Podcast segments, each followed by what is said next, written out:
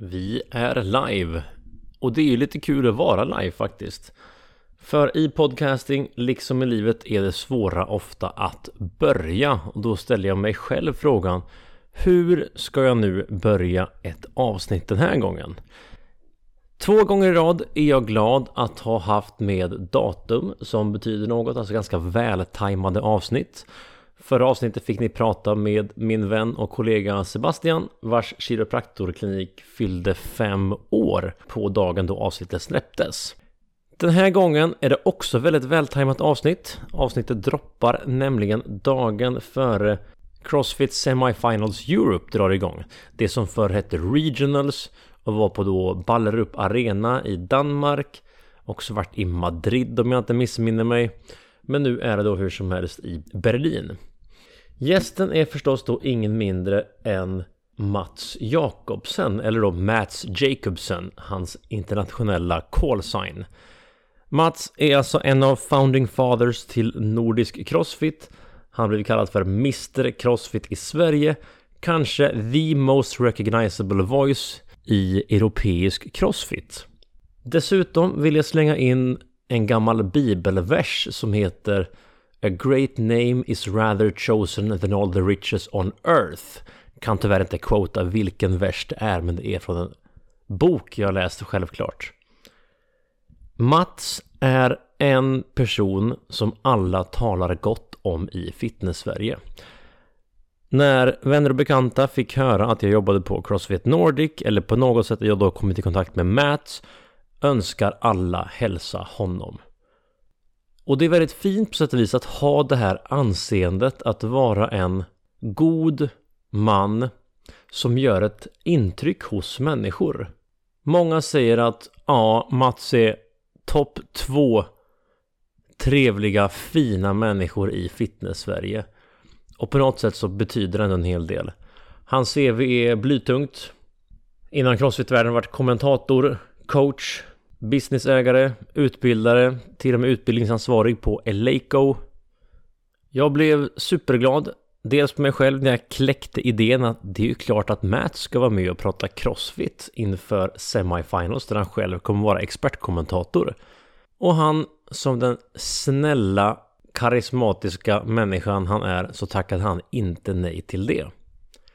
Avsnittet är en timme långt och ni kommer få höra första halvan om Crossfit Games tävlingssäsongen Fokus då på Europa men också sen vad som händer i sommar på Crossfit Games a.k.a. Crossfit VM Andra halvan bryter ner mer i detalj hur då kanske träningsresan Crossfit kan se ut Hur en övergång ser ut från allmän gymträning till mer specifik crossfit-träning, hur resan ser ut längs vägen.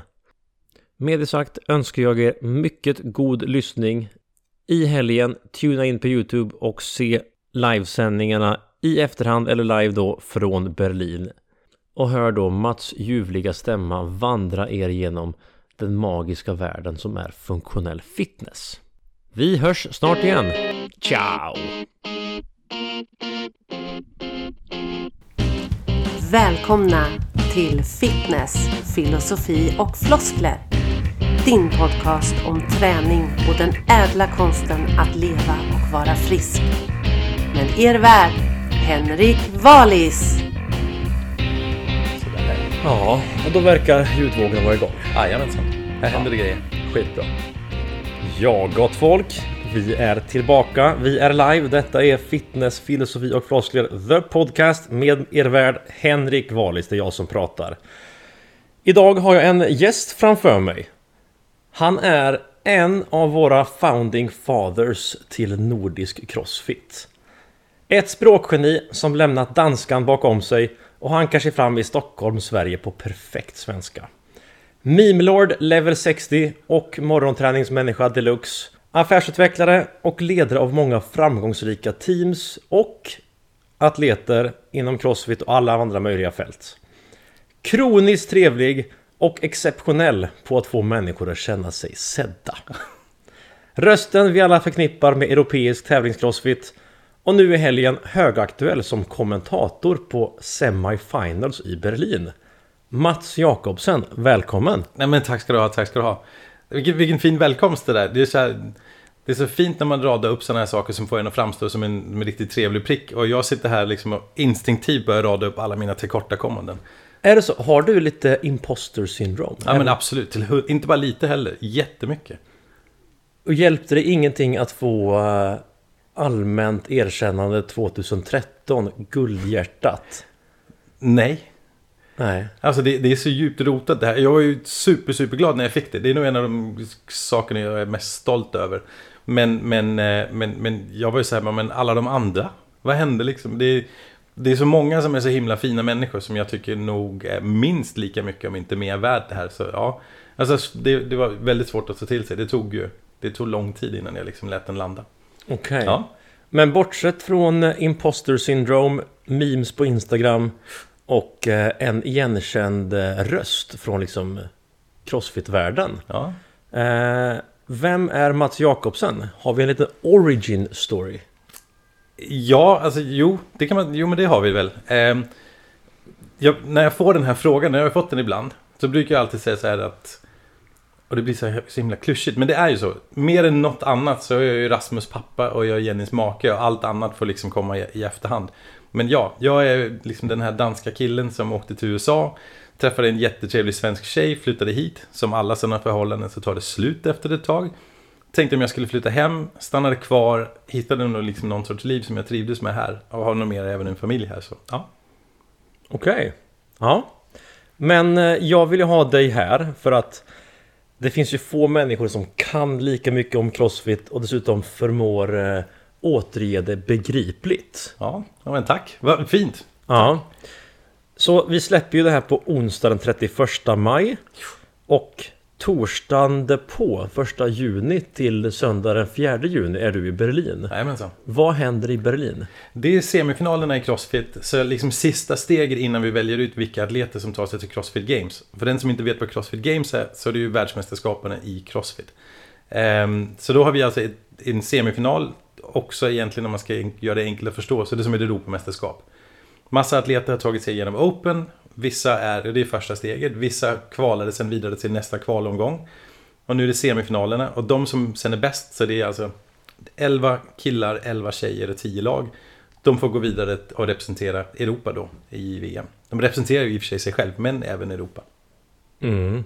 Och när är då VM? Ja, kommer faktiskt inte ihåg. Jag är rätt övertygad om att det är sista veckan i juli. Men eh, jag vill inte lägga huvudet på blocket för det. Nej, okej. Men vad är då din roll i det här? Vi, det, det finns ju en, en, bra, en, en, en sändning därifrån som ligger på YouTube. Den kommer ligga på Crossfit.coms hemsida. I USA så kommer den visas på CNBC och något annat. Det är ett par olika tv-kanaler som kommer plocka upp den här.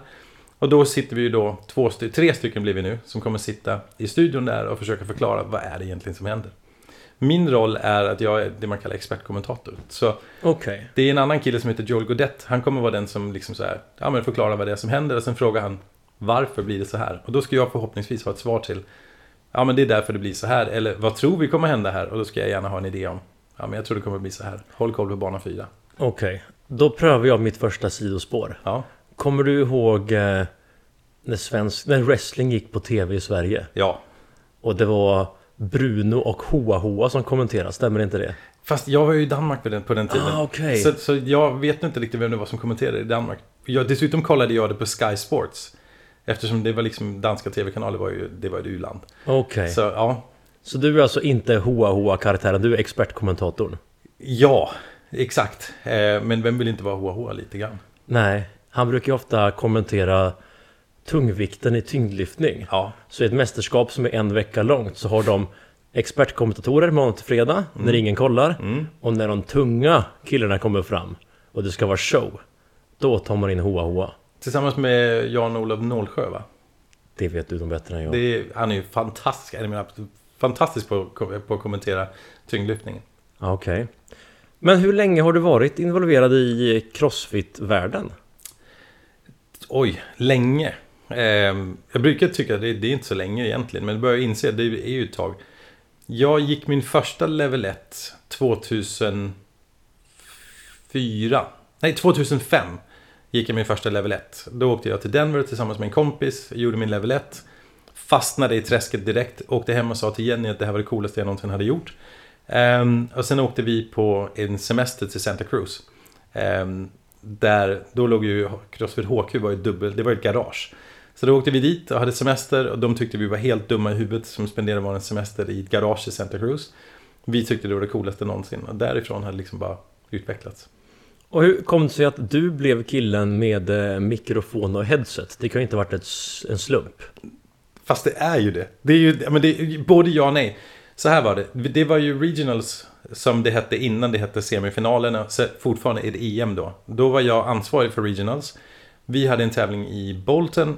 Och eh, det var första gången liksom, vi hade stora sponsorer med. Det var liksom lite pengar. Innan dess hade jag fortfarande varit ansvarig. Men det var lite mindre. Vi var bland annat på Eleiko i Halmstad som var superhärliga. Lät oss låna deras lokaler. Ställde upp med utrustning och allting. De var fantastiska. Men året efter då var vi i Bolton. Och då hade allting blivit lite större. Um, och sen när vi kommer dit så ringer det en kille som egentligen var tilltänkt som, som, uh, som floor announcer. Han ringer och bara, ja ah, men du det går inte, barnen sjuka, kan inte dyka upp här. Jag bara, ja ah, men det spelar ingen roll, det är ingen som bryr sig ändå. Men alla sponsorer brydde sig jättemycket. Mm. Så precis innan allt det här kickar igång så kommer det någon gående och bara, vem är eran floor announcer? Och då är det jag som står ansvarig för hela eventet. Så vänder jag mig till Carl Stedman och Martin Altemark och säger så här, kan ni köra det här eventet utifrån den färdplanen vi har? Jo, men det tyckte de absolut. Jag bara, men vad bra, då tar jag micken och kör. Så jag köttade på där under den här helgen. Någon måste ha tyckt det var trevligt, för jag fick ju samma förtroende året efter att ha ansvar för hela eventet, men även att vara på golvet. Och då hade Crossfit HQ liksom hittat Europa på något sätt. Så de hade skickat över ett team. De frågade om jag ville vara med i sändningarna nästa år. Och så sa jag ja, men gärna ifall, ifall det går. Eh, sen året efter, då blev jag floor announcer ändå. Jag hade glömt att de hade frågat. Så de bara, men du skulle ju... Jag bara, ja, men det går inte, jag står på golvet. Så året efter det, då var jag med på sändningen. Och sen har jag faktiskt varit med sen dess. Okej. Okay. Minus ett par år under pandemin. Men annars är det... Exakt. Nonstop i tio års tid? Ja. Jag tror då, jag fick... Vi hade något möte här nu där det var någon som sa att jag var inne på mitt tolfte år med Crossfit-tävlingar. Eh, som är kommenterat för Crossfit HQ då. Så ja. Och när jag kallar dig för eh, en av eh, Nordisk Crossfits founding fathers. Ja. Vad kan det grundas i? Det är ju lite oklart, men jag var ju först i Norden att ta tillsammans med min kompis Max Philipsson att ta en level 1. Jag var först i... Jag var nummer två tillsammans med Carl Stedman, vi var de första två i Europa som började jobba åt Crossfit. Ehm, jag var med och startade den andra Crossfit-affiliaten i Sverige. Ehm, och sen var jag ju rätt insyltad också i hela den här Reebok, eh, liksom hela Reebok-tiden med Crossfit när jag jobbade där också. Så det kan vara därför. Jag skulle gissa det var det. Gissningsvis. Ja. Ja men coolt. Så vad kan då publiken eh, förvänta sig? I arenan, men sen också på de här eh, webbsändningarna eller tv-sändningarna. Mm. Vad kan publiken förvänta sig från ett semifinals-event? Alltså det här är ju ett unikt event på så sätt att för länge sedan så var det bara ett Europamästerskap. Sen efter ett tag så delar man upp Europa i två delar för det var så många otroligt bra atleter. Nu är det första gången på ett antal år där man liksom har samlat allting till en tävling igen. Så alla är på en plats. Det är den här helgen som gäller, sen är det kört. Finns inga fler möjligheter. Um, och det är ju, alltså, atleterna har ju alltid varit bra, men alltså, de är så fantastiska nu. Så det kommer att vara action som bara den. Det kommer att vara en jäkla massa känslor på golvet om folk som ligger, du vet, som klarar sig bättre än vad de hade förväntat sig. Vissa som klarar sig mindre, mindre bra än de har förväntat sig. Eh, och sen så kommer det vara vissa som kommer gå ut och leverera sina insatser för att de inte nödvändigtvis bara jämför sig med de som är på golvet. De vill ju liksom göra ett statement innan games, så de tävlar med de som har varit på helgerna innan i andra delar av världen. Så det kommer bli riktigt, alltså det blir helt fantastiskt på arenan. Det är ju den känslan förhoppningsvis man ska försöka förmedla i sändningen också. Den som inte sitter där. Att liksom, är du, är du frälst på Crossfit så ska du gärna få hela den upplevelsen som du har fått på golvet. Är man lite nyare för Crossfit, då ska man gärna ha en förklaring till men varför är det här fantastiskt? Varför är det här svårt? Eller varför är det här enkelt? Varför gör de inte så här? Och så vidare. Och så vidare. Och vilka atleter ska man kanske hålla lite extra utkik efter här? Och vilka har man inte haft koll på, haft koll på alls, men gör det fantastiskt? Sen så måste man även, tror jag, en stor del av vårt jobb är att försöka förmedla det här. De som nu inte går till games, är de dåliga? Det är så här, nej, de är fantastiska atleter och även ge dem en möjlighet för att få exponering.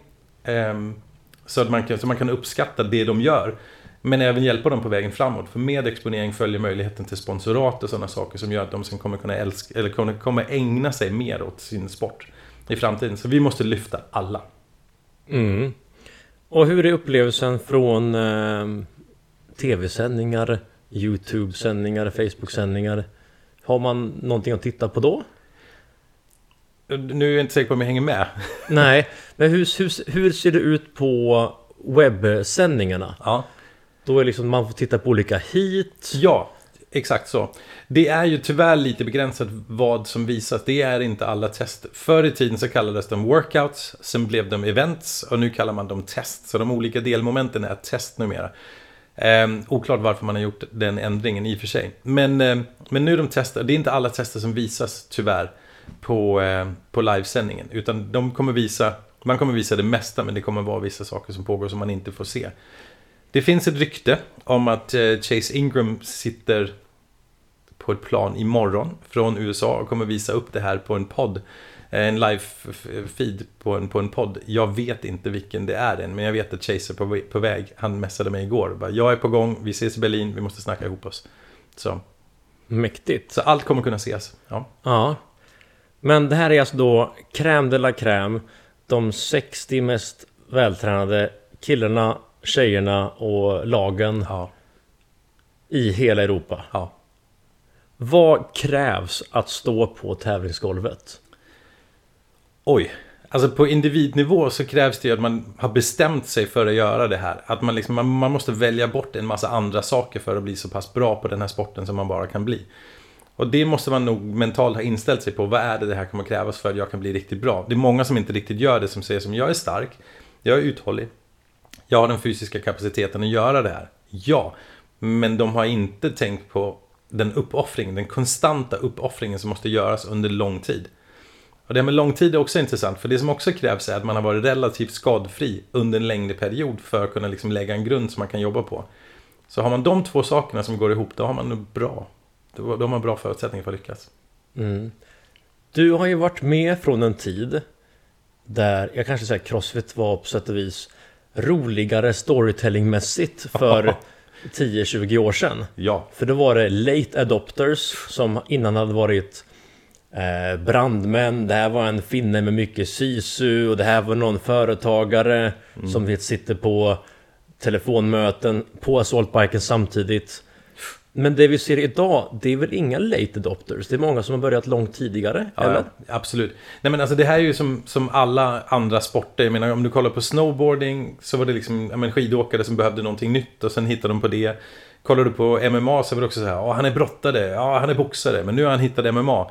Och det är samma sak här, precis som du säger, ja men det är en tyngdlyftare eller det är en eh, triatlet eller det är någonting sånt där. Nu är det crossfit-atleter som har tränat crossfit i princip hela sina liv.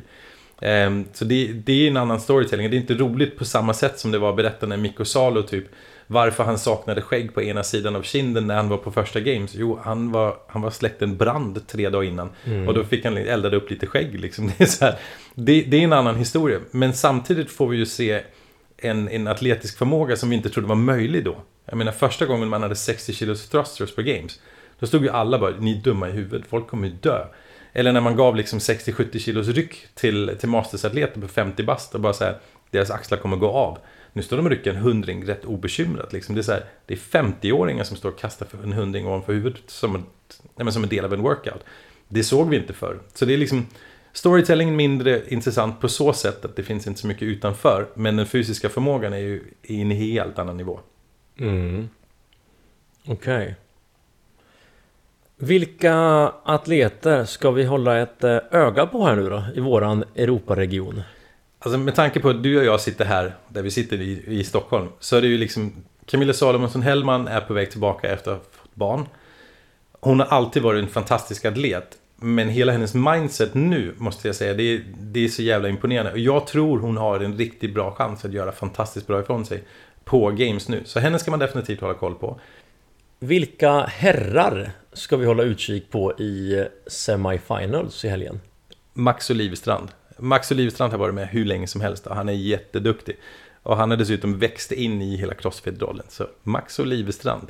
Ehm, sen så är det, jag kommer ju såklart hålla koll på, eh, på prestandalaget. För då har vi liksom Viktor Långsved med oss. Vi har, vi har liksom Alex, vi har Hanna, vi har Maria Långfors. Liksom det är så här, hela den här grejen som hände med Viktor förra året gör att jag inte vill annat i hela min själ än att Viktor ska få åka till Games och visa hela världen vilken fantastisk atlet han är.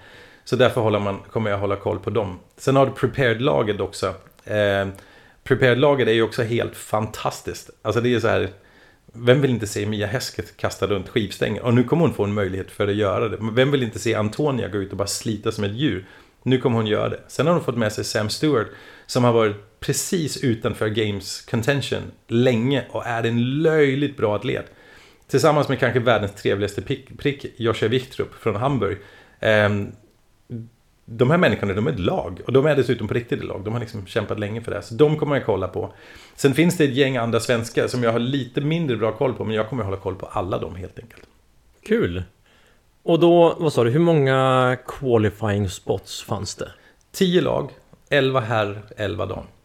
Mm. Och hur många events ser vi över hur många dagar? För individuella, individuella atleter har 7 events, lagen har 6. Okej. Okay. Och vad förväntar vi oss framåt? Eh, är det söndag som är finaldagen för alla? Ja, det är finaldagen. Men jag hade nog hållit koll på lördagen. Lördagen brukar ju gärna refereras till som moving day. Så de som liksom inte har fått den start de gärna vill ha på den individuella sidan. Så individuella börjar på fredagen. Så de kör fredag, lördag, söndag. Lagen kör torsdag, fredag, lördag. Så på lördagen håller jag koll på lagen som behöver flytta på sig. Eh, eller på fredagen håller jag koll på, på lagen som behöver flytta på sig. Och på lördagen då är det individuella som liksom, för det är rätt mycket poäng som ligger uppe. För, för atleten för att kunna plocka. Så då är det någon som vill flytta på sig och liksom inte har fått den start de behöver. Då behöver de trycka på då. Och börja utmana de som har fått en bra start. Okej. Okay. Ja, så av de här eh, 11 eller 10 lagen individuella som går vidare till eh, Crossfit VM, det vi kallar för Crossfit Games. Vilka ska vi hålla utkik efter där? Har du några favorites to win eller några bubblare? Några som kommer göra en impact? Ja, alltså det är lite så här. Oslo dyker ju upp med... Alltså för det första var ju Oslo fantastiskt duktiga förra året och det laget är intakt. De dyker upp igen. De kommer, alltså håller man inte koll på dem då är man knasig. Sen är det lite så här, det ska man inte glömma. Oslo har ju, jag tror det är fem lag med sig. Alltså det, mm. det är så många lag och det är inga av de lagen som är dåliga. En av de lagen som liksom var en sån här de kallade sig själv ett roligt påhitt eller en comic relief förra året. Var ju fantastiskt duktiga. Ehm, och jag, alla de här lagen är jätteduktiga. Så jag kommer hålla koll på alla från Oslo, absolut. Jag kommer hålla koll på prestandalaget för att jag tycker det är kul. Kommer hålla koll på prepared-laget också för att jag tycker det, de har båda de lagen mycket potential. Ehm, jag kommer även hålla koll på Butchers Lab. Butchers Lab har också ett antal lag med. Och Butchers Lab levererar klassiskt väldigt bra lag. Butchers Lab är liksom en bra breeding ground för, för sådana lag. Sen finns det en massa andra lag som är, som är duktiga. Men det är lite olika spelare som har bytts ut på de olika lagen. Så jag vet inte riktigt vad man får. Men håll koll på Oslo. Håll koll på Butchers Lab. Eh, alla lag därifrån. Butchers Lab också några stycken. Och sen givetvis allt som är svenskt. Håll koll på det. Okej. Okay. Och i sommar när vi då är i Madison, Wisconsin Vilka kommer eh, köta på extra bra där? Um, Om du får räkna in hela världen Hela världen På här sidan då tror jag Justin Medeiros kommer bli svår att slå Sen kommer jag hålla koll på Björkvin För eftersom inte Dave Castro gör programmeringen längre utan det är Adrian Bossman som gör den Då har vi ju sett ett skifte lite grann i hur, vad det är man testar um, som jag kan tycka har varit välkommen. Jag gillar det Dave har gjort, absolut. Men jag tycker det är kul att med en liten twist på det. Och jag tror det passar Björkvind riktigt bra. Så det tror jag. Sen har vi liksom Roman Krennikov. Det går inte att inte älska honom lite grann. Ehm, och han är ju en arbetshäst. Och en av de sakerna som man ofta glömmer när man kollar på games, det är att tävlingen är över så många dagar, det är så mycket volym. Så det är också så här, hur kan jag disponera min kraft? Han är en sån som kan gräva riktigt jävla djupt. Alltså. Så de kommer jag nog hålla koll på. Mm. På damsidan, då är det lite roligt för det är ju helt jäkla öppet. Mel O'Brien har hoppat av och det var många som annars bara, hon kommer ju liksom plocka hem det här nu. Hon har hoppat av. Hailey Adams, hon har hoppat av, hon med. Um, och det är flera andra som, liksom, som är så kända namn som inte kommer vara på plats. Sen kan vi se om alla kvalificerar sig också, det är ju, det är ju en annan fråga. Um, Men det öppnar ju onekligen upp för en massa andra. Kerry Saunders är inte heller med. Tia Toomey är inte heller med. Så det är så här, nu blir det plötsligt öppet. Nu blir det liksom... Nu blir det kul. Jag menar, vänta och se. Kan det vara så att Annie vinner? Liksom. Annie Toresdotter mm. har verkat må svinbra. Jag vet inte om någon har följt henne, men hon verkar ju liksom må bättre än någonsin. Och sen är hon ju mamma stark nu. Just det. Är, är det motsvarigheten till uh, grown man strength? Det, att man var stark? Ja men exakt det. Nej men jag tror om jag ska vara helt hudlöst ärlig. Nu killgissar jag bara. Så det får ta det här med en nypa salt. Men jag tror det är lite så att hon har ju liksom haft en lång atletisk karriär. Ehm, och har blivit äldre. Men, men det som ofta händer om man inte har liksom någon, någonting som liksom händer i ens liv som det här med att få barn.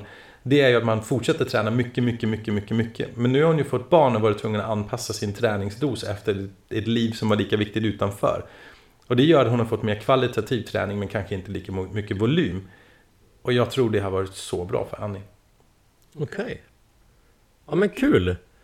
Vi, vi, jag tänker att vi ska komma till del två av samtalet så kan man ändå ha någon form av mer in-depth om själva crossfit-träningen. Ja. Och då kanske vi kan komma tillbaka till variabler som volym, intensitet, skill och liksom mognad, drivkrafter och sånt där. Ja, gärna.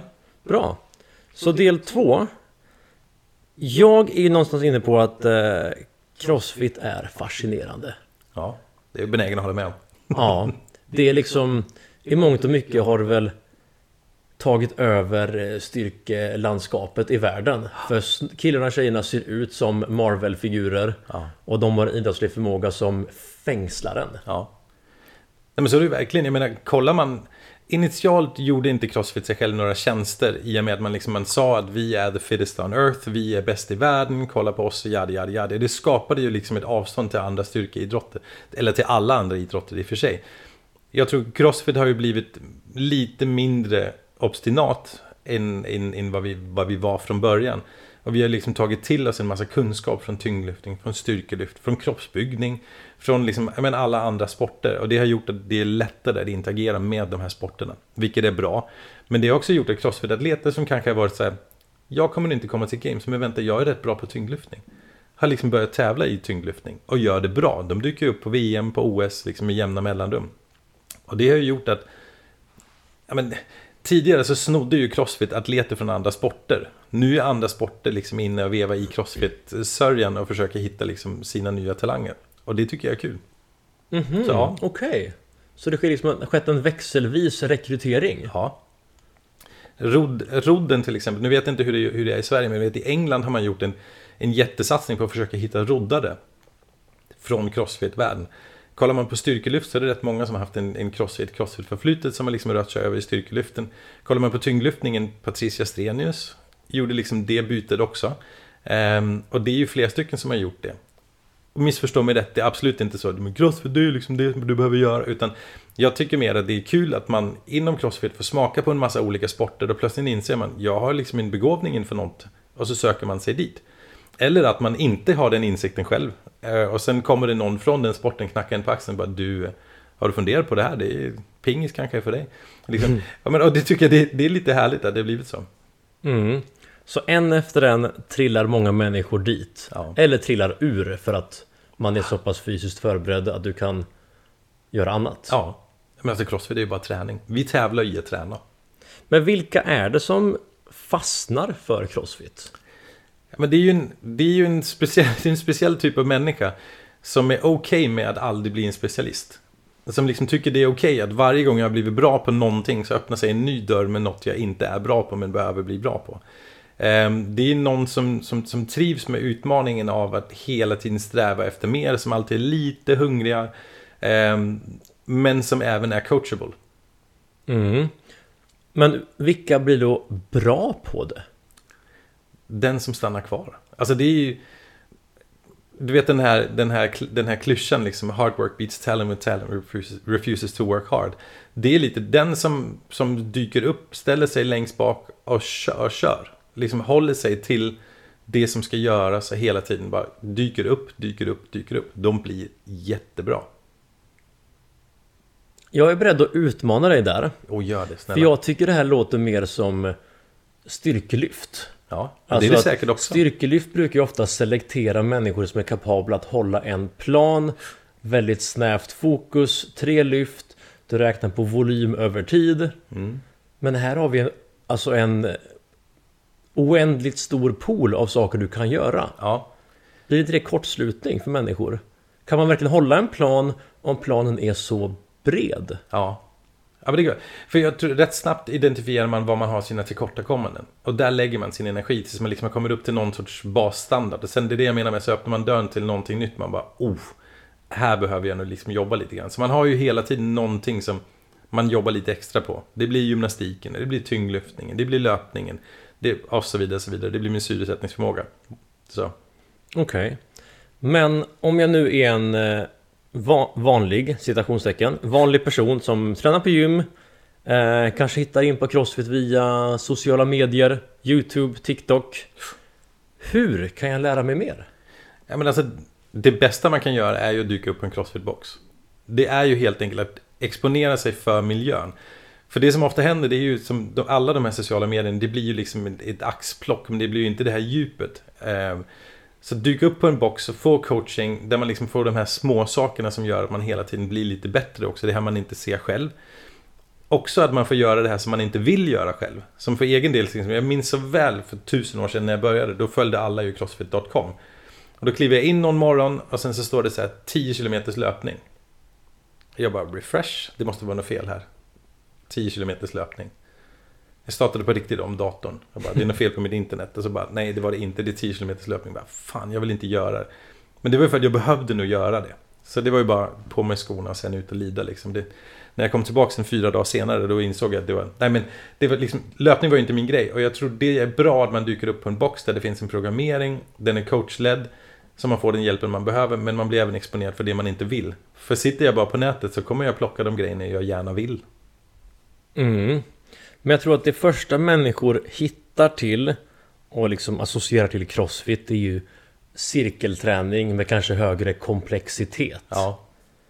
Vad är det då för skillnad på att göra voddar cirkelträning utöver ens vanliga träning? Eller att bara göra voddar? Det är att liksom ha en mer strukturerad approach. Vad är det för skillnad på att liksom leka crossfit och då som du säger ha helhets, täcka igen eh, luckor, approachen? Mm. Oj, om jag ska ge... Jag ska försöka mig på, ett, på, på en jämförelse här som jag... I mitt huvud så verkar det liksom... Så verkar det vettigt, men vi får se när jag försöker artikulera det här om det verkligen är det. Men det är ungefär som, som att gå till en restaurang och sen börjar du liksom med förrätten.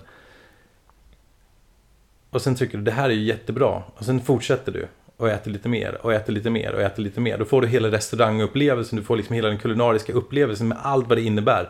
Jämfört med att du sitter hemma och så gör du den här salladen själv och tänker så här, det är ju ungefär som på den här restaurangen som jag tycker är lite trevlig.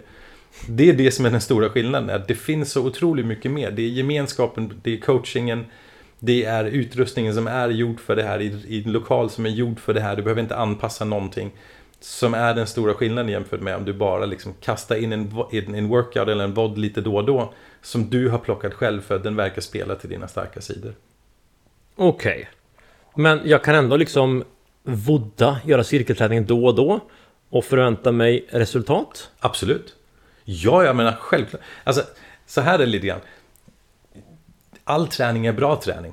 Alltså på riktigt, all träning är bra. Så länge folk rör på sig, då är ju ingen gladare än jag. Minns för länge sedan, då var det så här, då var det ett...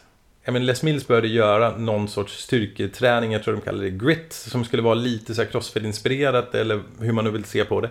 Och det var ju ramaskri. Folk var ju tokiga. Och jag kunde inte låta bli garva. För det första så tror jag ingen som håller på med crossfit liksom så här. nej men jag släpper det för det är det här jag vill göra. Men även om de gör det, vad är problemet? De här människorna rör fortfarande på sig. Sen kan det också mycket väl vara så att folk börjar där och sen känner så här Fan, jag vågar gå till crossfit-boxen nu. För det är ju också så här, det finns ju ett motstånd. Man blir så här, allt jag ser på nätet är så här Snubbar i bara överkropp med muskler överallt med sönderrivna händer som gör helt knäppa saker. Dit vågar inte jag gå, jag måste komma i form först. Det kan vara inkörningsporten när det här gritpasset där de bara säger men det här var ju nice. Eller om de går till fightbox och blir jätte, jätte, jättetrötta och sen känner så här jag kanske vill testa det här också. Alltså, så det finns ingen dålig träning. Så absolut, det går ju definitivt att köra klassisk styrketräning, addera lite voddar, Absolut, det får man resultat av. Mm. För det, där har ju vi ett stort problem i att eh, jag gör ju lite online-arbete, marknadsföring och eh, försöker rekrytera människor. Ja, Och ordet crossfit är ju ingenting människor i regel söker på om man inte är nyfiken. nej. Så ta typ ett ord som otränad och ett ord som crossfit. Ja. Leder helt olika trafik, antalet sökord. Ja. Och det, är så himla, och det är det som är så himla synd. Alltså jag förstår att det blir så, men det är ju giften i sociala medier att man lägger ju aldrig upp den här, bara jag hade ett jättebra pass, jag satt och rodde, eh, inte superintensivt, sen efter det så gjorde jag mobilitet och min rygg mår som konsekvens av det jättebra idag. Vilken härlig dag det blir. Det är inte det man lägger upp, man lägger upp, ah, jag har lagt, nu har jag lyft ännu mer vikt och det blir lite tuffare. Och det gör ju att det gör ju att det, det är det man ser. Sen utöver det så är det så tyvärr, och det är också det är så här käpphäst, jag vet inte om man vågar gå in och öppna den dörren. Men det är så många människor som känner sig så osäkra omkring sin, sin kroppsform och sitt yttre. Så man känner liksom så här, oh jag vågar inte gå in dit för det är bara en massa sådana människor. Det de glömmer bort är ju att, och nu pratar jag bara utifrån min egen erfarenhet, det är kanske någon som har haft en dålig erfarenhet i så fall så hoppas jag att de har gett Crossfit en ny chans. Men dyker man upp till exempel på Nordic eller på en annan box, det är väldigt sällan det finns speglar. Det är väldigt sällan någon bryr sig hur fan du ser ut. De är intresserade av, dyker du upp? Om du sen gör ett bra lyft, till exempel, behöver inte vara ett PB, och du är nöjd, då kommer du märka att alla andra i lokalen blir lyckliga för din skull. Det är ingen som bara, åh var det här ett PB eller det här är det tyngsta du någonsin gjort, utan du blev glad, alla andra blir glada. Men det, det är så sällan folk får se det. Så det är så här, dyk upp, kom, var med. Mm. Men hur eh, håller man människor engagerade över tid? utveckling. Att man hela tiden konsekvent känner att man blir lite bättre. Och att man sen också som coach förmår att lyfta det de har blivit bättre på. Så det, så det inte blir liksom endimensionellt att, ja men är du, är du starkare nu? Nej, det är jag inte. Nej, okej. Ja men jag har stått och trocklat med den här vikten 100 år. Jag är inte bättre. Nej, men din position är bättre i det här. Så man förstår liksom alla de andra parametrarna som är minst lika viktiga. Att den här vikten är resultat av ett uttryck av någonting annat. Ja, men du rör dig mycket bättre. Du kan lyfta dina submaxvikter mycket bättre. Ditt löpsteg är mycket bättre. Oj, men kolla nu, din rörlighet är ju bättre. Den här skadeproblematiken du har haft innan, den lyser med sin frånvaro. Ja, just det. Det är också en sån här kul sak. Folk tänker ju inte på att de inte är skadade när de inte är skadade. Men när de är skadade, då är det hela ens värld. Är jag nu inte skadad under ett helt år, ja men då har vi ju redan där vunnit. Då är ju du på en bättre plats. Så jag tror om man hela tiden belyser de här sakerna och ser till att fira dem samtidigt som man är ärlig omkring att det här är ju nästa steg, det här behöver vi göra någonting åt sen. Då tror jag vi vinner. Okej. Men ponera då att eh, jag vill åt utveckling. Jag kanske börjar träna på en box, jag kanske tränar på mitt eget vanliga gym. Kommer det en punkt när jag måste liksom förändra min approach till crossfit och bli mer systematisk, få en bättre översikt? När slutar liksom voddar att ge effekt? När måste jag systematisera min approach? Så snart du vill ha ett annat resultat än det du får just nu. Okej, så n- newbie gain, sex månader. Finns det någon motivering till det? Ab- absolut. Men sen tror jag också det, det är viktigt, en viktig fråga att ställa sig själv. Lite den här, är jag nöjd med det jag får just nu? Är den ordinationen av, av träning som jag får just nu? Ger det mig de resultaten jag gärna vill ha? Ja. Är jag nöjd med det? Ja, stanna kvar. Det är så lätt att man har liksom hoppar, åh så du kör en annan programmering nu. Då ska jag också göra det. Man har inte satt sig ner och bara, men vad är det den programmeringen syftar till att göra? Utan det är mer, jag gillar att träna med dig, så jag hoppar på din programmering. Men, men vill vi samma saker? Har vi samma utmaningar? Det, det har man sällan frågat sig själv tycker jag. Så det funkar alldeles utmärkt att göra det. Men annars så tror jag efter, efter sex månader ungefär, då behöver man nog se över, får jag allt det jag gärna vill ha? Um, och sen så bör man ju sätta sig ner och liksom kunna pinpointa, men det är det här jag gärna vill. Och det kan vara så enkelt som, tycker det är rätt tråkigt det jag gör, behöver vara en ny inspiration. Okej, kul. Inga problem. Men ungefär runt sex månader, efter det så skulle jag säga någon gång varje år. Mm. Okej. Ehm, om jag frågar så här. Mm. Vilka specifika adaptationer kräver sporten crossfit? Och hur tränar jag för dem? Jag är van att springa, jag är van att gå på gym, jag kanske kör 3 gånger 10 i chest press och split squats. När och hur liksom ändras kravbilden? Vilka adaptationer krävs om jag vill bli bättre på crossfit? Jag kan säga för, för egen del, alltså egen uppfattning. Alltså vi kan börja med, jag kan ta mig själv helt, det är ett rätt bra exempel. Jag var ju hyfsat stark tyckte jag själv när jag började. Hade ingen uthållighet, hade ingen rörlighet, ingen gymnastisk förmåga och hade svårt att liksom kontrollera mig själv i tid och rum. Så rätt omedelbart var det ju tydligt, det var mina tillkortakommanden. Jag tror alla som dyker upp och, eller som börjar med crossfit överhuvudtaget kommer rätt snabbt inse att man liksom, det tryter i en av de här områdena. Men du Mats, om det nu är så här att det är uppenbart att jag har styrkor där, svagheter där. Att jag är för dålig på uthållighet gör att jag inte kanske passar i maratonidrott. Ja. Om jag är jättestark men stel kanske jag passar bättre i styrkelyft än i tyngdlyft. Kan du liksom generalisera kring vad som... Hur det kan vara inkluderande att ändå hålla på med crossfit? Jo, nej men det är ju... Alltså det du, det du pekar på nu, det är ju en del av magin med crossfit. Att man liksom... Jag ska ge ett exempel som jag gett hundra gånger förr, men som är exakt det. Vi, när vi öppnade Nordic så hade vi en isländsk kille som hette Nomi som tränade där. Nomi fick inte till dubbelhopp. Överhuvudtaget. Han är liksom gudabenådad atlet, men han fixar inte dubbelhopp. Och vi försökte, och vi försökte, och vi försökte. Efter ett tag så kom man till en punkt bara, jag kan inte säga mer, eller ge dig fler tips. Jag vet inte hur vi ska lösa det här. Jag har ingen aning. Så går det ett tag, och plötsligt så hör man det här ljudet där. Och då står det en tjej bredvid eh, Nomi. Den här tjejen har precis hittat Crossfit. Och hon kämpar med en massa olika saker. Ehm, hon var ju inne på just då att göra en viktresa. Hon hade en rygg som inte mådde helt bra sådär. Det finns inget universum där hon hade liksom kunnat vara hans coach. Förutom att hon var svinbra på double unders. Och hopprep. Det var liksom hennes grej av någon anledning. hon hade sagt någonting till Nomi som gjorde att där föll poletten bara. Så det att man liksom inte är bra på en sak men är bra på en annan, det gör ju att alla försöker suga liksom erfarenheter, idéer, tankar från varandra hela tiden. Man är otroligt ödmjuk för den här människan som kliver in genom dörren, för du har ingen aning vad de kan. Resten av den tiden som hon var kvar på Nordic innan hon och hennes kille flyttade från stan, då refererar ju Noomi till henne varje gång som hennes, som hennes coach. Bara det är min coach som lärde mig double unders. Mycket riktigt är det så. Då ska vi komma ihåg att vid den här tiden, efter det här så kvalar ju Nomi till Games. Han har varit där ett antal gånger, han var med på Invitational ett antal gånger, han har varit med på alla stora tävlingar. Nomi är en fantastisk atlet, men han saknade någonting som ingen av oss kunde ge honom då. Han får det hos henne. Den mest otippade människan kan att lära honom just det. Men det är ju det som är så fint, det är där det blir inkluderande, att man, mitt grundantagande är att vem som än kliver in genom dörren så har de en erfarenhet som jag kommer kunna ha nytta av och jag kommer ha erfarenheter som jag kan bidra med. Och därför blir det en otroligt inkluderande gemenskap överhuvudtaget. Mm. Okej. Okay. Men nu har du ju, om jag förstår det rätt, nästan 19 års erfarenhet sedan du tog din level 1. Ja. Hur ser du nu, två decennier senare, på liksom high skill movements? Mm. Och jag tycker det är oerhört intressant att se liksom skills som, en, eh, som ett inslag i träning. Just det kan vara så pass roligt som en gammal snowboardåkare att tänka tricks. Ja. I anti-Alzheimers syfte att liksom neuromuskulärt utmana oss ser jag som väldigt bra för liksom hjärnan och kroppen. Men det finns ju också risker med att introducera high skill rörlighetskrävande, motorikkrävande moment som tyngdlyftning, hopprep och liksom, hur ser du på den biten nu? Skulle man ha skalat av komplexitet och tagit fram ett koncept som F45 eller Barry's Bootcamp?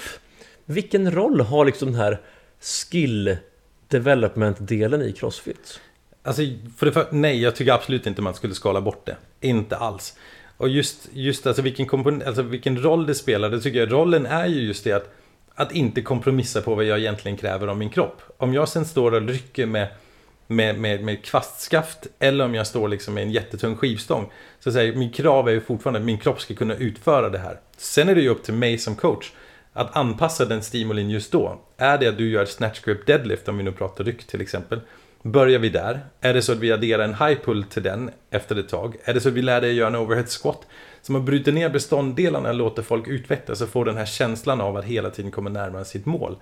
Så det tycker jag absolut det finns en plats för. Det viktiga är bara att vi liksom anpassar ordinationen av det vi gör till där atleten är just där och då. Eh, och nu säger jag atleten så menar jag precis alla människor. För min, mitt grundantagande är att alla människor är atleter med olika atletiskt kapital. Hellre det än att tänka sig att man är någonting annat. Men behöver människan komplicerade rörelser? Är det inte mer bang for the buck att liksom försöka bota välfärdssjukdomar med eh, hård träning? Tänk på liksom benskörhet, eh, insulinkänslighet. Att liksom man kanske behöver bara trycka på hårt. Det ska man också göra. Okej. Okay. Men för jag vill inte göra antingen eller, jag vill göra både det, båda delarna. Spännande. Men du, låt oss prata olika träningsmoment i Crossfit. Om du kan mm. bara prata så här, vad är det här för någonting? Allmänt begreppslära. Mm. Och så kanske förklara vad syftet är för den som ger sig mer och mer in i Crossfit. Ja. Eh, om jag säger ordet AMRAP. Ja. The floor is yours. As many, as many reps eller rounds as possible. Så det gör alltså helt enkelt en tids, en tids, ett tidsintervall under vilket jag ska göra så mycket jobb som överhuvudtaget möjligt. Det gör det ju väldigt enkelt för mig att standardisera helt enkelt någon sorts stimuli och sen se hur jag ligger till i förhållande till tidigare förmåga. Okej. Okay. For time? Samma sak där. Då istället för att ge en tidsaspekt där jag ska jobba inom och göra så mycket jobb som möjligt så har jag jobbet begränsat. Och då kommer jag helt enkelt att kolla. Återigen, jättelätt sätt att standardisera och mäta. Har jag, möjlig, eller har jag förmågan att öka min intensitet för att göra det här jobbet så att jag kan göra det på kortare tid. Vad är det för skillnad på 4-time och AMRAP? Ja, men om man tänker sig en AMRAP till exempel, då har du ju klassiskt det här Cindy. 5 pull-ups, 10 armhävningar, 15 knäböj. Det blir ju en, läng det är en längre period oftast där jag får jobba. Så det är liksom, kan jag portionera ut min insats men höja min, min intensitet över en längre period. Har du for time, då har du liksom en typisk som Fran, 21, 15, 9 thrusters och pull-ups. Det är liksom hur länge vågar jag eller kan jag ligga och smälla till helt upp i rött där jag inte riktigt vet vad jag ska göra med mig själv men fortfarande göra bra repetitioner. Okej. Okay. Eh, sån här for load då? Ja. Man snackar ett RM liknande skills. Ja men precis. Så här är ju möjligheten för att se, ha, har jag liksom ökat min kraftutvecklingsförmåga? Så det är liksom, jag har helt enkelt ofta när man säger for load så blir det ju liksom en tidsinter ett tidsintervall. Inom den här tiden så ska du försöka komma upp till ett för dagen så tungt lyft som möjligt. Alltså kan jag generera mer kraft än vad jag kunnat göra tidigare. Eller har min teknik blivit så pass bra så att jag kan lyfta mer. Men kan jag helt enkelt lyfta mer eller utföra ett tyngre jobb än vad jag kunnat förr. Mm. Finns det någon heliga graal inom Crossfit i liksom for load sammanhang? Om styrklyft hade sina benböj, bänkpress, marklyft. Har ja. Crossfit några sådana här helige graal. Ja, men alltså mark, markböj är ju typiskt sådana. Sen tycker jag det som har blivit kul är att det liksom dykt upp fler och fler, fler lite olika olika coacher som har olika tagningar på vad som egentligen är viktigt. Liksom, jag ser oftare oftare viktade pull-ups eh, eller chin-ups dyka upp. Jag har även sett, sett viktade ring pull-ups. Eh, tyckte det var lite intressant. Så det är lite olika från, från, från, webb, alltså från coach till coach vad man tycker är intressant. Men grundprincipen är samma, böj och mark tycker jag liksom alltid dyker upp. Mm. Men det blir då uppenbart att vi inte kan ligga och redlina hela tiden. Jag förstår att sporten crossfit hänger på din förmåga att kunna redlina. Som du sa, Roman Krennikov ja. går ut och har ont länge. Ja. Men vilken roll skulle liksom en så här for quality approach ha? Men det är ju, oh, det är ju, det är ju underbart. Man har ju, det är ju förmågan att kunna ligga liksom nära sin maxförmåga länge. Absolut. Men det är ju också förmågan att kunna anpassa det utifrån en teknik som är så rörelseeffektiv som överhuvudtaget möjligt. Så för quality kan ju vara att lära dig en rörelse som du inte har kunnat göra tidigare. Eller att man tar sig, man tar sig tid att liksom känna av rörelsen på ett annat sätt. Där man tar sig ut i ett ytterläge och kanske stannar kvar där. Eller att man jobbar långsammare ut i ytterläget. För att känna liksom, ja, men hur känns det hela tiden. Så det är liksom ta, en, ta möjligheterna på ett kvalitativt sätt, leka med, känna efter den här rörelsen. Är det någonting jag kan göra annorlunda? Så det inte alltid blir prestationsbaserat. Vad är baksidan med för prestationsbaserat tänker det här? Ja, men det blir ju att är du stark så kan du liksom ta dig igenom saker som du egentligen inte borde göra eller inte riktigt lyckas göra på ett bra sätt. Speciellt när det kommer till, till crossfit där vi, liksom, vi kippar eller skapar liksom ett momentum som vi sen accentuerar i, i, på något sätt. Att man då helt enkelt inte behärskar allting men man tar sig igenom det ändå. Då är det ju superhärligt att ha de här möjligheterna för att jobba med kvalitetsrörelse. Så man liksom gör båda delarna. För jag menar, hur många gånger man än säger till någon att du ska göra det här på ett fint sätt där det är bara fina repetitioner som räknas. Så snart man säger 3, 2, 1, kör och sätter en klocka på. Då kommer det där bara försvinna. Folk kommer röra sig som de gärna vill röra sig. Eh, och om inte det är på ett kvalitativt sätt, då kommer det inte bli kvalitativt. Jag förstår. Och i min förståelse handlar det ganska mycket om att ta det som i styrkevärlden, i kraftsportens värld var anaeroba test och på något sätt kunna göra det till en mer och mer aerob sport. Exakt. Så vi pratar aerob förmåga. Vilken roll fyller liksom både intervaller men också steady state cardio i så fall? Steady state cardio är super, super viktigt för att skapa den här basen på något sätt. Det är dock tyvärr, eller har varit, så är det inte längre. Det är, folk har fått upp ögonen för det här. Intervallerna de dyker upp liksom och de har dykt upp från början, det är inga problem. För det är så publikfrieri, du blir jättetrött, kötta på, gör din grej. Men den här med liksom, ja men grattis, idag har vi en timmes rodd, eh, eller cykel eller vad det var för någonting. Det ska vara steady state, kör på, det ska liksom, det är inte, vi kommer inte räkna dina meter utan kör på bara. Det har blivit, folk har förstått att det är viktigare, viktigare, viktigare eh, att skapa den här basförmågan. Och det som är roligt med Crossfit är att folk har sagt det här sedan början. Men det var ingen som orkade göra det, för gud vad tråkigt det här blev. Men sen så började de här atleterna dyka upp som gör det. Som klarar sig jättebra på det. Men vad fan, vänta en gång, så deras återhämtningsförmåga var alltså bättre. De är inte lika trasiga. Hmm, kanske ska ta och testa det här. Och då, applicer då appliceras det där. Alltså vi är ju ett community av folk som är otroligt duktiga på att lösa uppgifter och ta efter andra som klarar sig bra.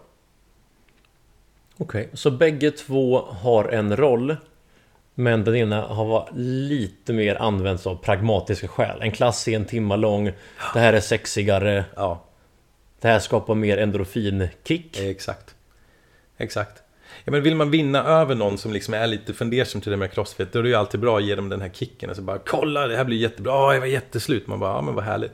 Det är lite svårare än, ja men hej, vad trevligt. Kom, ska du få sätta dig på bikeögen här, sen ska vi sitta i moderat mm. tempo och hålla på jättelänge. Det är, det är ju, den är svårare att sälja. Mm. Nu kommer jag ihåg de här Diaz-bröderna som körde ja. triathlon parallellt med MMA. Exakt. Och liksom slog två, tre gånger så många slag per match. Jajamän. För det var mindre jobbigt för dem att slå än att skydda sig om ja. motståndaren blev trött. Ja, exakt. Kräver ju dock att man har en, en, en tacksam käke som båda två hade liksom, som okay. är helt okej okay med att äta jättemycket smällar. Och att man dessutom, som de också båda två är, gudabenådade på brasiliansk jiu-jitsu, så är det så att man hamnade på marken då var det liksom inte främmande för dem. För det är ju liksom det som händer. Om man hela tiden blir slagen i ansiktet så kommer någon slita ner mig på marken och testa en ny miljö. Och se hur det går. Um, det var de ju väldigt bekväma med också i och för sig. Men, men exakt så var det ju. Mm. Om vi tar något eh, lite hybridinslag då. EMOM, Every Minute on the Minute till mm. exempel. Vad har det för syfte i, en, i ett program? Jag tycker det, det finns ju jättemånga. Alltså antingen, antingen är det ju det att man har en stimuli. Jag vill gärna ha ett lyft, jag vill ha en begränsad vila däremellan. Eller jag vill ha någon sorts gymnastisk moment där jag vill liksom kunna tajma min vila. Jag vill inte att du ska börja stressa dig igenom utan jag vill se dig göra det här. Sen kan det även vara så, vara så pass enkelt att man vill blanda olika rörelser med varandra. Man vill liksom se till att det finns en tid att gå dit, andas och sen sätta fart igen. Det är typiskt, eller det var där det började egentligen. Sen har man ju börjat göra så att man har lagt in det så det blir någon sorts intervallkör av det här också. Every minute on the minute så får du någonting som typiskt kommer ta dig 50 sekunder så du får liksom springa till nästa. Och då blir det ju ett sätt att trycka dig bortom den här vilan att försöka ta bort den genom att dölja det här som, ja men det här är en every minute on the minute, vilket betyder att du får inte mer än de här 10 sekunder, sen måste nästa uppgift börja. Så det finns, lite det finns en del olika syften med det. Okej. Okay. Prehab, rehab. Ja. Vad har det för roll i det här? Alltså, all roll i, i, i, i crossfit överhuvudtaget, men all träning överhuvudtaget egentligen. Rehab, givetvis, att försöka återgå till din ren faktiska förmåga, inte vara skadad liksom, inte vara skadat, men även att man tillåter svaga eller skadade delar av din kropp att återhämta sig till full funktionsduglighet. Och då, då är det ju så lätt att man, när, igen som jag sa, när man har ont någonstans, då är det ju lätt att adressera det här, vilket gör att rehaben oftast blir lätt, lättare att sköta. Prehaben däremot, alltså innan jag får ont, det är ju sånt som folk som har haft ont kan relatera till den här och brukar gärna göra det. Folk som aldrig har haft ont. Så, Äh, men jag skiter i att stretcha efteråt. Äh, men jag låter bli de här rotationerna. Jag behöver inte stå på ett ben för det är inte jätteviktigt. Det är superviktigt och gör man det så finns det en, en större chans att man aldrig behöver rehabba. Så det görs väldigt, väldigt, väldigt mycket. Mm. Liten personlig anekdot här då. Ett. Mm. Jag tränade väldigt mycket när jag var yngre med en kille som heter Andreas. Superduktig, begåvad atlet. Vi hade ganska olika approach. Jag förstår ju att min ambitiösa personlighet liksom kunde selektera mig till Crossfit. För jag var villig att göra tre timmar accessory work i veckan. Mm. Om Andreas hade ont så nöjde han sig med 45 minuter träning och tänkte jag gör bättre i att bara vila. Ja. Finns det liksom olika värden med att okej, det här kan potentiellt sett ge mig skador, krämpor, smärtor. Så jag väljer inte göra det. Men det finns också de här som fortfarande vill göra det och försöker leta bromsmedicin i mer prehab rehabövningar. Ja. Det är, ju, alltså det är ju bra vila, absolut. Men som Erik Börjesson skulle säga, alltså motion is lotion. Och jag tror lite det är så om jag ska vara helt ärlig. Att, ja, men vila i all ära, ja. Men det tillåter ju också saker att dra ihop sig som sen skapar nya problematiker. Om man däremot säger så här, men okej, men jag är inte helt i toppform. Jag har det här problemet med whatever.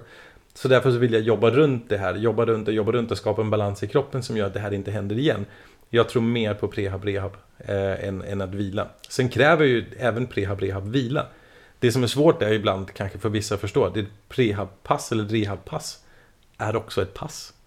Du kanske inte är helt nitad och ligger på golvet i din hög efteråt och det blir inte jättekult på sociala medier. Såvida inte det är jag som sitter och kollar på det som tycker fan vad du är häftig som gör det här. Ehm, men, men ja, jag tror inte så mycket på att man vilar sig bortom det där utan jag tror man måste adressera det. Okej. Eh, bodybuilding eller liksom funktionell bodybuilding? Oh. Att liksom bara göra sig tålig av många reps med kontrollerade former. Vilken roll har det? Åh gud vad skönt, det är det du frågar. Jag tror du skulle fråga vad jag tyckte var bäst. Eh, för jag bara, fan, jag älskar ju kroppsbyggning. Jag tycker det är så jävla fascinerande så det finns inte. Eh, nej men alltså, funktionell bodybuilding är ju... Det är ju fantastiskt. Det är helt enkelt fantastiskt. Liksom ett, att bygga en superstark kropp på det sättet. Det är ju liksom, det är ju fantastiskt och det underlättar att när sen addera intensitet sen, i ett senare skede. För man är liksom genuint stark hela vägen. Man har liksom skapat en kropp som är tålig. Eh, så absolut, det är, det är ju det som är hela syftet med det. Eh, liksom att skapa den här kroppen som är tillräckligt stark, systematiskt stark, drag, press, höger, vänster, upp och ner och så vidare.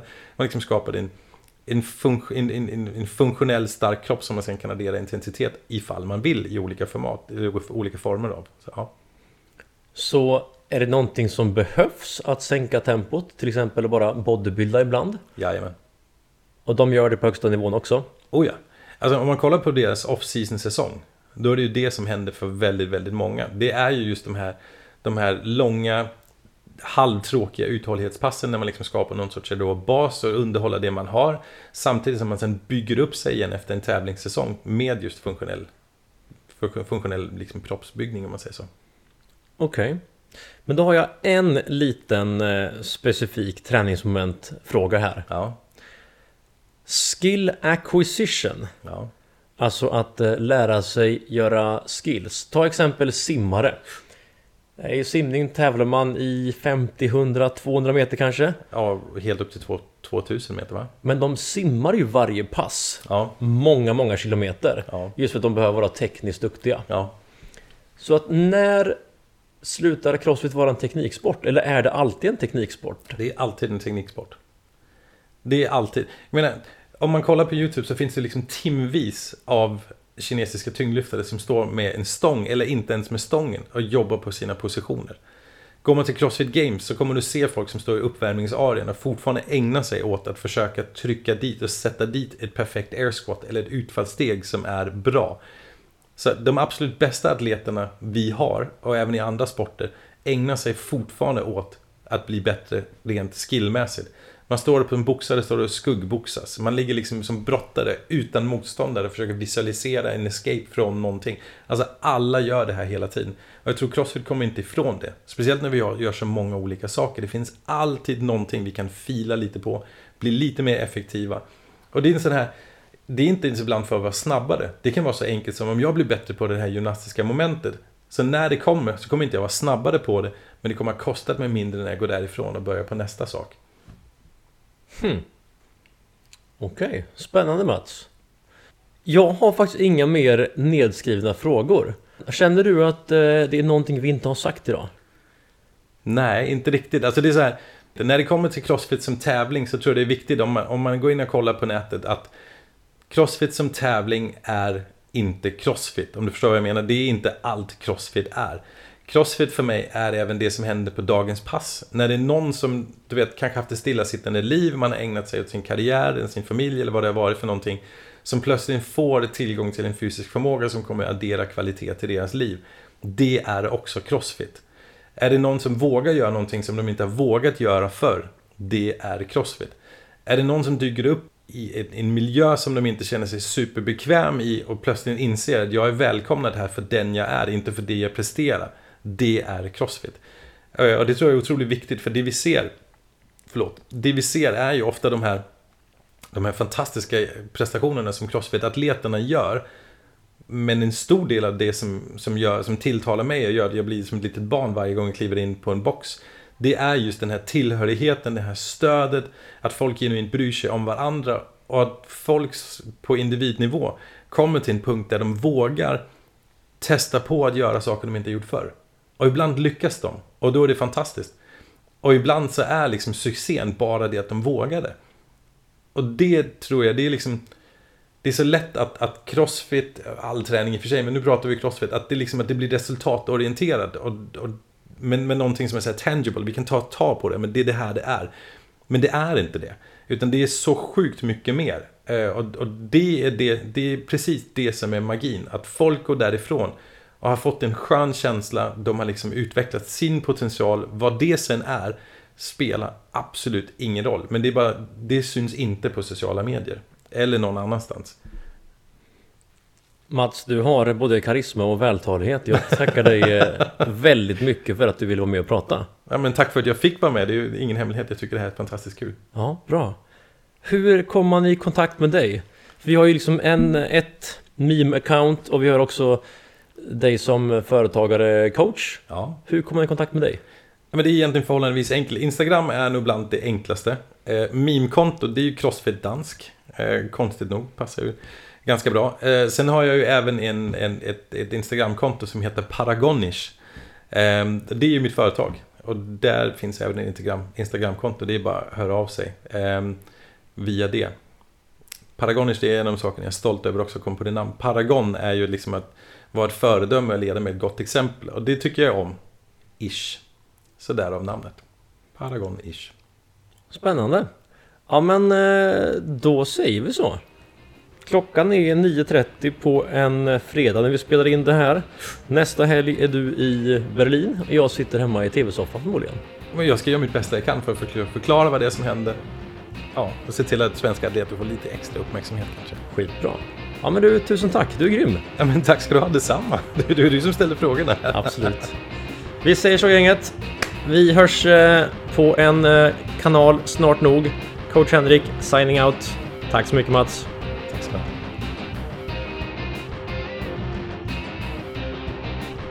Boom! Och med de orden sätter vi punkt för idag. Hoppas ni haft en mycket trevlig lyssning. Om ni tyckte det var intressant att höra Matt snacka, titta då för guds skull in på Youtube, leta upp kanalen Crossfit Games och kolla sändningarna från Semifinals Europe där ni kommer få höra hans trevliga stämma prata i hela helgen. Utöver det, försök kolla förstås in hans meme-konto på Instagram, crossfitdansk, eller då hans egna företag, at Paragonish Stockholm.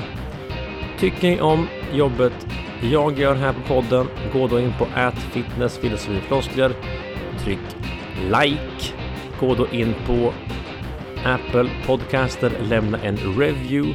Allting uppskattas. Har ni frågor, bara slide in till the DMs på at fitnessfilosofifloskler eller då mitt personliga konto at Henrik Wallis. Likaså finns vi också på Gmail.